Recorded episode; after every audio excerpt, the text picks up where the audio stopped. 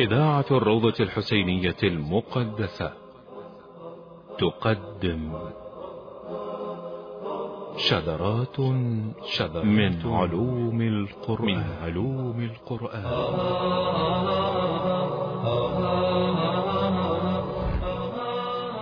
شذرات من علوم القرآن.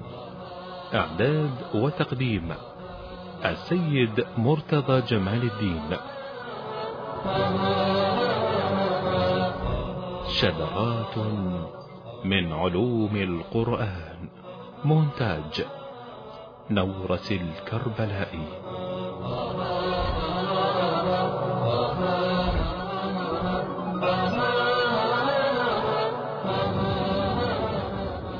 عنوان الحلقة القرآن وفنون العربية. أعوذ بالله السميع العليم من الشيطان الغوي الرجيم. بسم الله الرحمن الرحيم والحمد لله رب العالمين. وصلى الله على سيدنا ونبينا محمد وآله الطيبين الطاهرين المعصومين. حملة كتاب الله العظيم. السلام عليكم أيها الأحبة ورحمة الله وبركاته. أيها الإخوة الكرام والأخوات الكريمات لا زلنا معكم في ضيافة القرآن الكريم وعلى مأدبته في شذرات من علوم القرآن الكريم.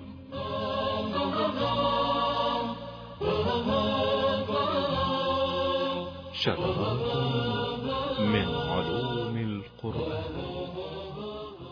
أيها الأحب نزل القرآن بلسان عربي مبين وقلنا في المحاضرة السابقة أن القرآن وجه الإعجاز أنه أعجز القوم بما يعرفون لا بما ينكرون. إذ جاء القرآن بحروف عربية وكلمات عربية وأساليب عربية. قد عرفتها الأوساط في ذلك الزمان وفي هذا الزمان وإلى يوم القيامة. القرآن الكريم حفظ اللغة العربية وحفظ أساليبها ولذلك جمع كل فنون اللغة العربية. بحق نقول أن القرآن الكريم لولاه لأصابت اللغة العربية حالات التعرية ولضمحلت اللغة العربية وفنونها وأدبها وقواعدها ولا ذهب رونقها وزبرجها. إذا القرآن الكريم لا بد أن يأتي بما يعرفون. لماذا أيها الأحب؟ حتى يؤثر في القوم حتى يؤثر بالسامع. لأنك إذا أردت أن تؤثر في أي مجتمع لا بد أن تأتي من الباب الذي يحبه المجتمع ويهواه ولا بد أن تأتي بما يعرفون لا بما يجهلون. لماذا؟ حتى ينجذبوا إليك. وهكذا جاء القرآن الكريم بما يوافق المجتمع. بأسلوبه وفنونه فتحداهم بما يعرفون لا بما يجهلون. ونعرف أن من صفات معاجز الأنبياء أن تأتي بما تفوقت فيه أوساطهم. ففي زمن موسى انتشر السحر فجاء موسى بالعصا ليعجزه وكان زمان عيسى زمان تفوق الطب فجاء عيسى لا ليبرئ الأكمه والأبرص فحسب بل ليحيي الموتى. وهكذا جاء النبي محمد صلى الله عليه وآله وسلم بمعجزة اللغة حيث قد وصل العرب في ذلك إلى درجات رفيعة في الشعر والنثر. ولذلك جاء القرآن بلغة العرب وبأساليب اللغة العربية لكي يجذبهم إليه ويعجزهم بما يعرفون لا بما ينكرون. وإليك أيها السامع الكريم والسامعة الكريمة بعض أساليب القرآن الكريم. جاء القرآن بأسلوب الشعر. كيف بأسلوب الشعر؟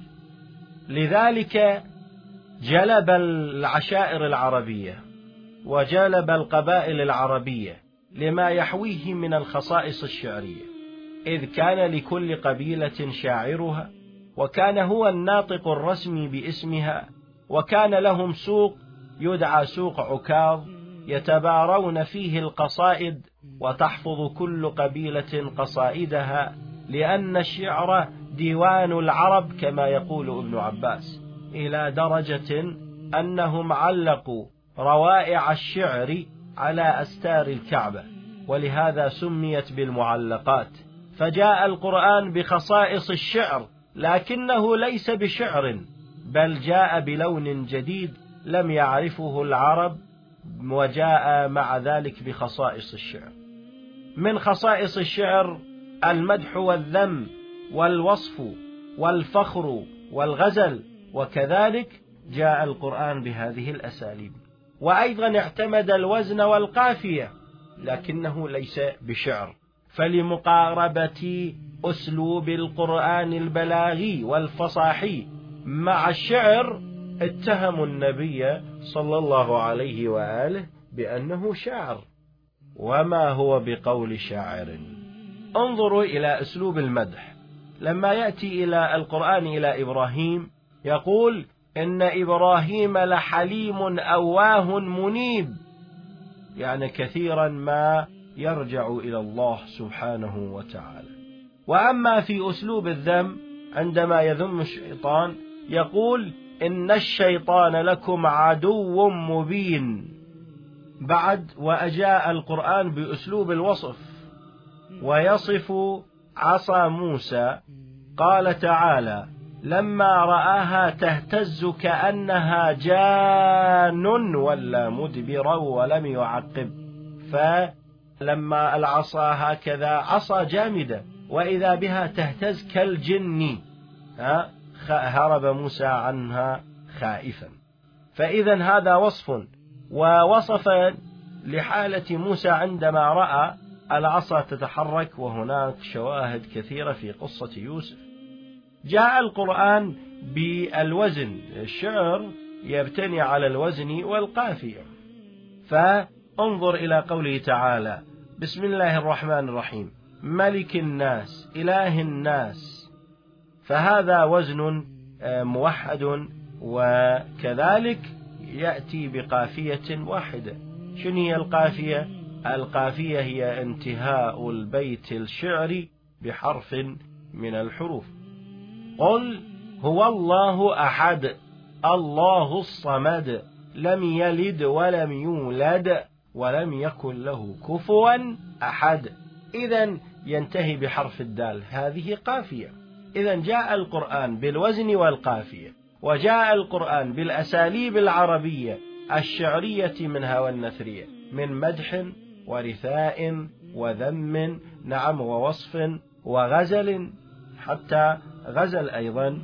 مثلا يقول الله تعالى حور عين كأمثال اللؤلؤ المكنون. يصف عينها بأنها حور وواسعة ويصفها بخدرها بأنها كاللؤلؤ المكنون. إذا فلما جاء القرآن بخصائص الشعر قالوا إن محمدا شاعر والعياذ بالله ورد عليهم هذه الفرية القرآن إذ قال تعالى وما هو بقول شاعر قليلا ما يؤمنون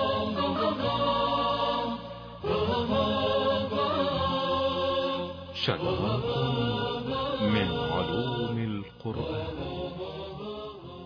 الأسلوب الثاني من أساليب اللغة العربية ألا وهو أسلوب النثر. فقد اشتهر لكل قبيلة خطيبها ومتكلمها بقوة البيان وحسن الصياغة فجاء القرآن الكريم بأروع فنون البلاغة والفصاحة وما يعرف باللغة اليوم السجع. ولهذا اتهموا النبي محمد صلى الله عليه وآله وسلم بأنه كاهن لأن أسلوب الكهنة هو السجع. لذلك رد هذه التهمة القرآن إذ قال تعالى ولا بقول كاهن قليلا ما تذكرون. ما هو بقول شاعر قليلا ما يؤمنون ولا بقول كاهن قليلا ما تذكرون. جاء القرآن أيضا بأسلوب القصة إذ اشتهر لكل قبيلة قاصها وكان يتمتع القاص بالحفظ والذكاء والقدرة على التأثير من خلال الأحداث وكانت القصص بألوان مختلفة. فمنها يعني كيف يقطعون ذلك الليل البهيم ذلك الليل الطويل؟ بالقصص.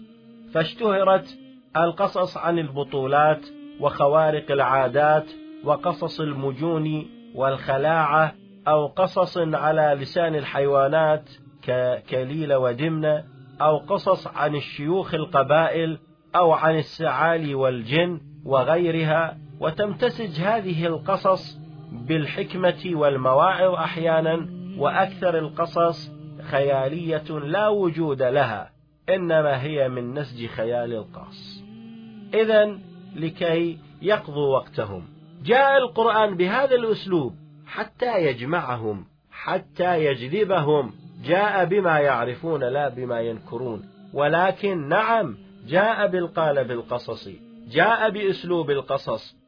لكنها قصص الأمم والأنبياء قصص حقيقية لا خيالية قصص للعبرة لا للتسلية. قال تعالى إن هذا لهو القصص الحق. لكنهم ماذا قالوا؟ قالوا إذا تتلى عليه آياتنا قالوا أساطير الأولين. أيضا كذبوا النبي محمد صلى الله عليه وآله وقالوا له هذه أساطير الأولين. وكل يرى الناس بعين طبعه لأن قصصهم كانت خرافات وأساطير الأولين لكنما هذا القصص الحق أيضا آه، اتهموه بأنه من أساطير الأولين والعياذ بالله.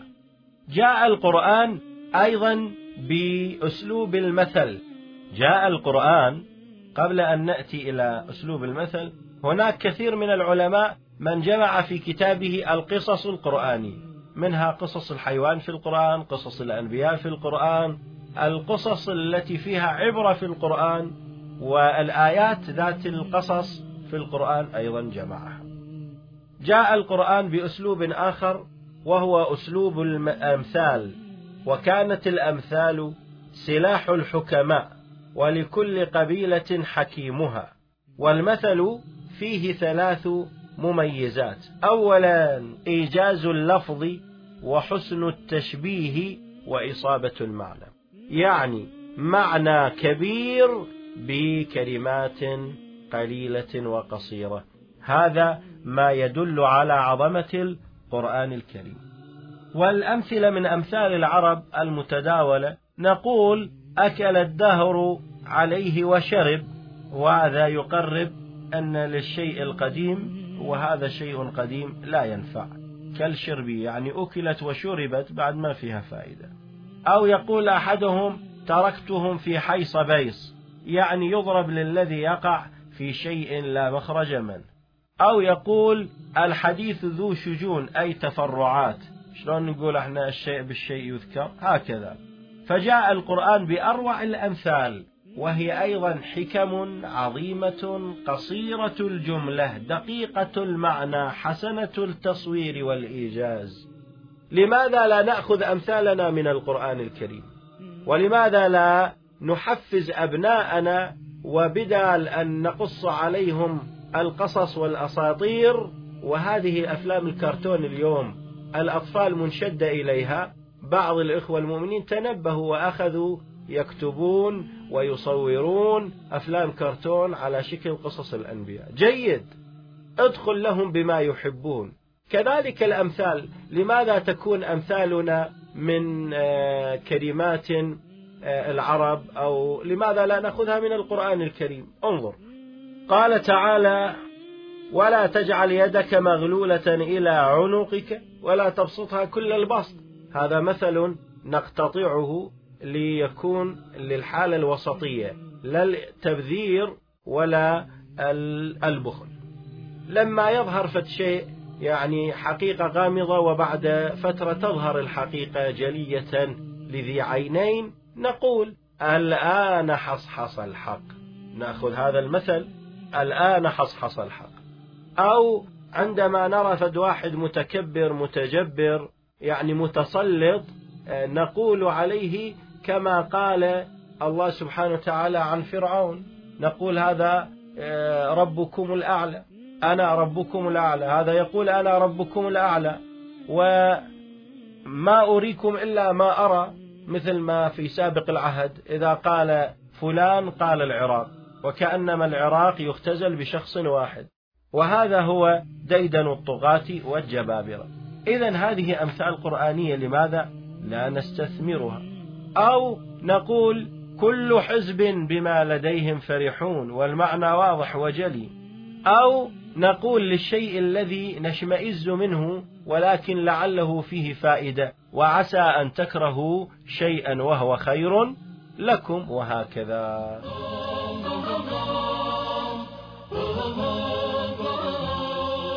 شذرات من علوم القرآن. أيضا جاء القرآن الكريم بأسلوب الملاحن والألغاز. واللحن عند العرب هي الفطنة. قال تعالى ولتعرفنهم في لحن القول أي فحواه ومعناه بالفطنة واللغز. إذا اللحن هو الفطنة واللغز هو التعمية والتورية. وكانت العرب تقول الملاحن والألغاز بالشعر. انظر هذه المساجلة الشعرية اللطيفة بين شاعرين كبيرين بين الشاعر عبيد بن الأبرحي وبين امرؤ القيس. قال لبيب ما السود والبيض والأسماء واحدة؟ لا تستطيع لهن الناس تمساسا. شنو هذا الشيء اللي هو يصير أسود وأبيض لكن اسمه واحد ولا يستطيع الإنسان أن يصلها. ما السود والبيض والأسماء واحدة لا تستطيع لهن الناس تمساسا رد عليه امرؤ القيس. مجيبا لهذه الأحجية أو هذه الحزورة بتعبيرنا.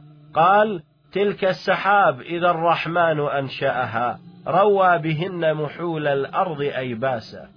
قال هذا الأسود والأبيض واللي إلى اسم واحد. والإنسان ما يقدر يلمسها تلك السحاب. السحاب يعني الغيوم مرة يكون بيضاء ومرة تكون سوداء. روى بهن محول الأرض.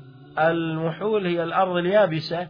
فأيباسا وانظر الوزن والقافية واحد في كلا البيتين.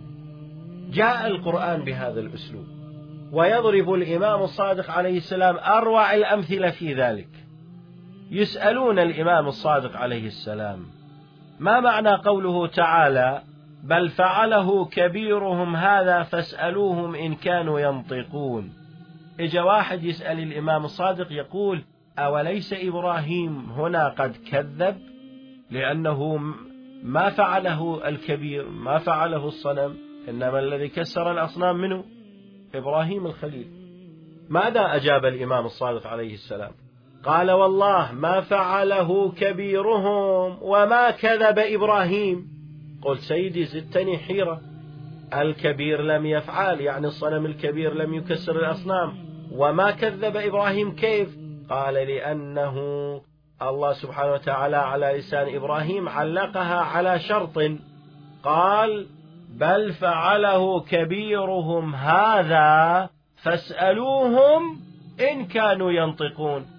إن كانوا يعني إذا كانوا ينطقون فعله كبيرهم هذا. لكنهم لا ينطقون. إذا لم يفعله كبيرهم هذا. وفي ذلك تعمية ولغز انطلع على هؤلاء القوم. ففعلا لم يفعله كبيرهم. وما كذب إبراهيم سلام الله عليه. وهناك مسائل كثيرة في هذا في القرآن الكريم. يجون يسألون الإمام الصادق عليه السلام. ما معنى قوله تعالى في سورة يوسف؟ همت به وهم بها. همت به بأن تفعل وهم بها أن يفعل أيضا. هكذا يفهم من حاق هذا اللفظ القرآني. قال معاذ الله إن الله نزه يوسف الصديق ونزهته هي زليخة بنفسها ونزهه أيضا الطفل الذي هو في بيتها. ولكن معنى قوله تعالى وهمت به همت بأن تفعل وهم بها هم بأن لا يفعل أن يدفعها عن نفسه. لكن العبارة موهمة في القرآن. قالت وهمت به وهم بها لولا أن رأى برهان ربي. يفهم هم بها بأن يفعل لكن الإمام الصادق قال هنا نوع من التعمية هم بأن لا يفعل. الدليل آيات أخرى تفسره. أما الامرأة العزيز فقالت أنا الذي راودته الآن حصحص الحق أنا الذي راودته عن نفسه. وأما الذي شهد شاهد من أهلها قال إن كان قميصه قد من قبل فصدقت وكان من الكاذبين. وإن كان قميصه قد من دور فكذبت وهو من الصادقين. فإذا هذا أيضا. وبعدين قالوا حتى نسوة المدينة امرأة العزيز تراود فتاها عن نفسه. وهكذا. أيضا آية أخرى فيها تعمية وفيها رمز من الرموز. والشجرة الملعونة في القرآن. ما هي الشجرة الملعونة في القرآن؟ يعني لو قال بنو أمية بشكل صريح كان ممكن بني أمية الذين حكموا الإسلام زهاء قرن كامل ممكن أن يرفعوا هذه الآية من القرآن. ولكن رمز لهم برمز وذكر لهم أحجية الشجرة الملعونة ولذلك بعض مفسريهم يقول الشجرة الملعونة تلك شجرة الزقوم طعام الأثيم في يوم القيامة. وهكذا انطلت على باقي المسلمين. إنما ما ورد عن أهل البيت وكذلك ورد عن تفاسير الصحابة كأبي وغيره قال والشجرة الملعونة في القرآن الكريم تلك الشجرة هم بنو أمية. فإذا القرآن الكريم فيه كثير من هذه الملاحن والألغاز التي يحتاج إلى فكها الأئمة سلام الله عليهم. وأخيرا أيها الأحبة جاء القرآن بأسلوب المناظرة والمجادلة. والعرب كثيرو المجادلة لما يتمتع به من الفطنة والذكاء. ونقلت كثير من المناظرات بين النعمان بن المنذر وكسرى وغيرها. ولهذا برعوا في علم الكلام. جاء القرآن بهذا الأسلوب من المخاطبة والمجادلة. قال تعالى وهو يجادل ويناظر المشركين أو الذين ينكرون الله سبحانه وتعالى. يقول الله تعالى أفلا ينظرون إلى الإبل كيف خلقت؟ كدليل على الأثر لأن الأثر يدل على المؤثر. فهذا الخلق العجيب اللي هو الإبل اللي أنتم 24 ساعة تستفيدون من أليس فيه آه، حكمة من خلقه؟ أوليس هذا يدفعكم إلى التفكر من خلق ذلك؟ إذا أفلا ينظرون إلى الإبل كيف خلقت؟ يعني إثبات وجود الله من خلال دليل الأثر. وأيضا في دليل المعاد قال تعالى وضرب لنا مثلا ونسي خلقه قال من يحيي العظام وهي رميم قل يحييها الذي أنشأها أول مرة وهو بكل خلق عليم وهذه آية أيضا رد ومناظرة.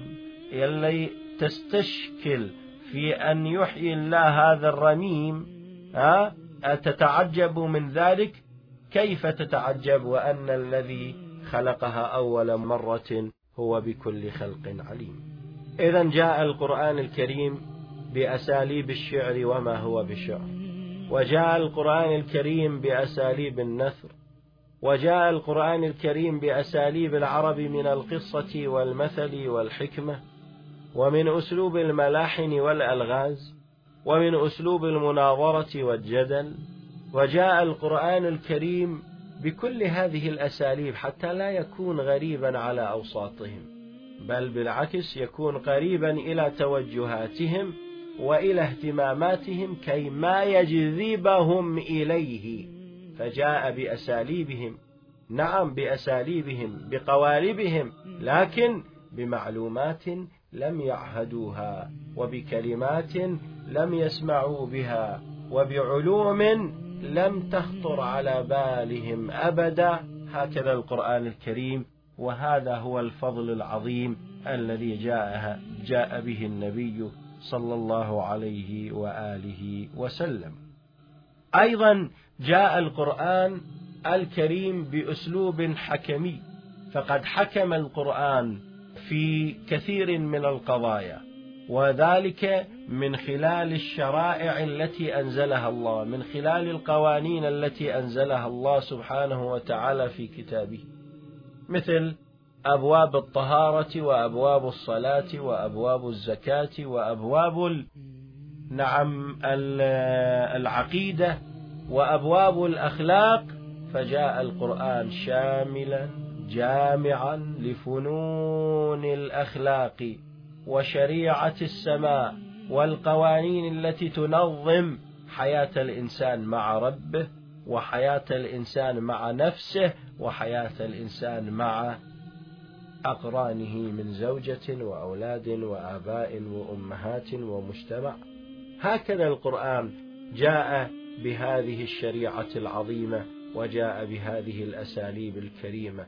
وفقنا الله وإياكم للوقوف على المزيد من أساليب القرآن العظيم الكريم كيما نتعرف على العمق الدلالي لما موجود من كنوز صدق إمامنا الصادق عليه السلام. قال إن القرآن الكريم مأدبة الله إليكم فقد ينبغي للمرء المسلم أن ينظر إلى في مأدبة الله. وقال الإمام الصادق عليه السلام آيات الله خزائن فقد ينبغي للمرء المسلم أن ينظر في خزائن الله. ما فيها من العلوم وما فيها من الفضل وما فيها من الأسرار.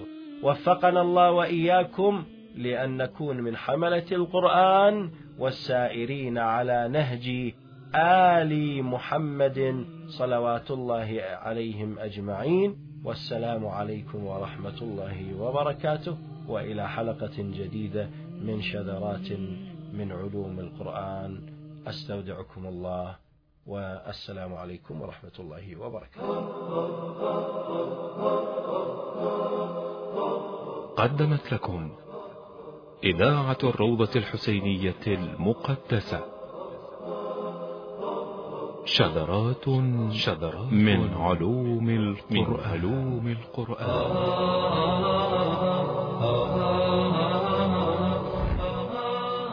شذرات من علوم القرآن.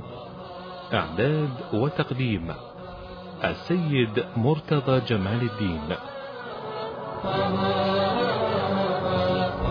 شذرات من علوم القرآن. مونتاج. نورس الكربلائي.